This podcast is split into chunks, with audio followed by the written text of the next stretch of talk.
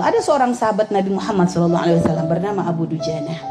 Abu Dujana itu adalah seorang sahabat Nabi yang subhanallah fakir. Beliau tuh rajin. Kalau sudah sholat bersama Nabi rajin sampai tuntas baru pulang. Tapi berapa hari dilihat oleh Nabi, dia tuh pulang sebelum waktunya Nabi berdoa. Padahal sahabat tuh kan doa Nabi kan dinanti dong. Doa Nabi kan kabul semua. Ini sahabatnya selalu pulang sebelumnya.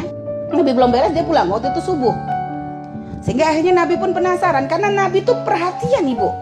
Nabi itu padahal segitu banyaknya sahabat. Tapi Nabi itu memang karena Nabi itu benar-benar jadikan sebagai rahmat lil alamin. Nabi itu teliti dengan kondisi sahabatnya, dengan apa yang dirasa sahabatnya, Nabi itu perhatian.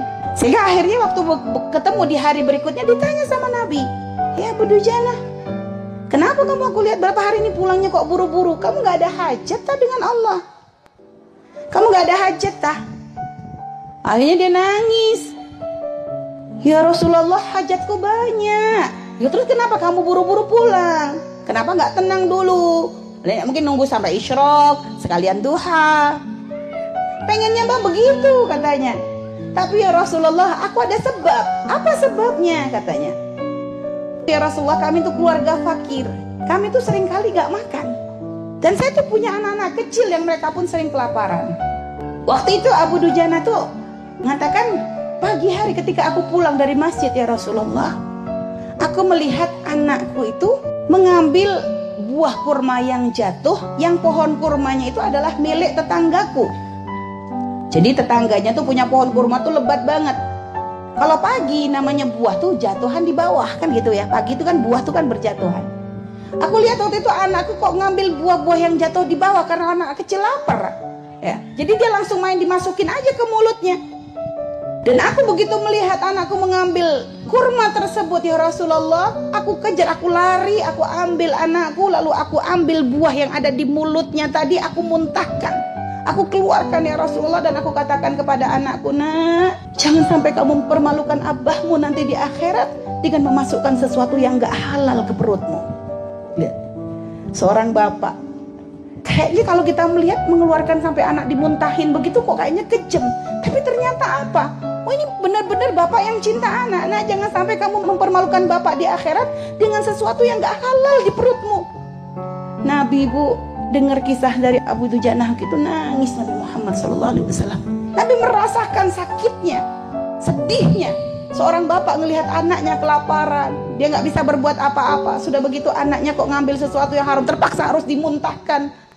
Padahal mungkin efeknya anak akan menangis, anak lapar. Setelah itu ya Rasulullah, aku ambil itu buah yang jatuh semuanya, aku berikan semuanya kepada tetanggaku. Dan aku minta maaf atas apa yang sudah sempat dimakan oleh anakku.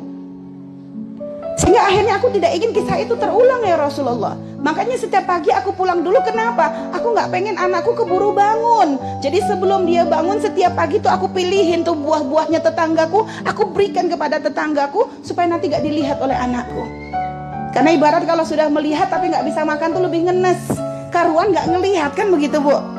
Karuan nggak ngelihat. Jadi ngelihat tapi nggak bisa dapat tuh ngenes. Makanya begitu bela-belain pulang dulu menjaga anak jangan sampai memasukkan sesuatu yang haram. Ya Allah, itu para sahabat Nabi kita Nabi Muhammad SAW. Sekarang berapa banyak orang tua yang katanya cinta dengan anak. Anak diberikan kemewahan, kasih HP, kasih motor, kasih makanan tiap hari online makanan GoFood, Gojek semuanya dilakoni. Tapi kadang nggak dilihat ini halal atau haram, halal haram terus. Yang penting anakku sehat, yang penting anakku senang, yang penting anakku bahagia. Berapa banyak orang tua kayak begitu? Tapi sahabat Nabi kita belajar dari situ. Akhirnya Nabi Subhanallah di kisah itu akhirnya Nabi coba nawar kepada tetangganya Abu Dujana. Didatangi tetangganya Abu Dujana yang ternyata adalah seorang munafik. Pak, Aku beli pohon kurmamu ini, kata Nabi. Dan aku bayar dengan sepuluh pohon kurma di surga. Ya, dibalas dengan sepuluh pohon kurma di surga. Tapi dasar kalau orang memang nggak dapat hidayah, jawabnya apa? Ya, ya Muhammad katanya. Aku mah kalau transaksi nggak pernah begitu. Aku transaksi ya harus jelas dong. Mau ini barang di dunia ngapain harus dibahas di akhirat?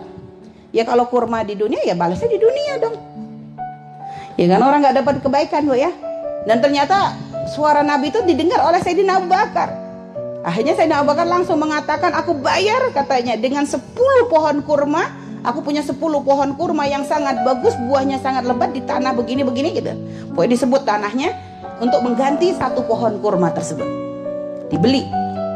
Rasulullah senang dengar Sayyidina Abu Bakar ngomong begitu. Hanya kata orang munafik, oke, okay, deal, nggak ada masalah. Setuju, karena balasannya di dunia. Sehingga akhirnya subhanallah orang munafik itu pulang ke rumahnya. Wah hari ini aku benar-benar beruntung. Kenapa? Aku membuat kesepakatan yang sangat menguntungkan. Pohon kurma kita ditawar oleh Muhammad dan sahabatnya dengan 10 pohon kurma. Aku berikan, tapi kan pohon kurmanya masih di tanah kita.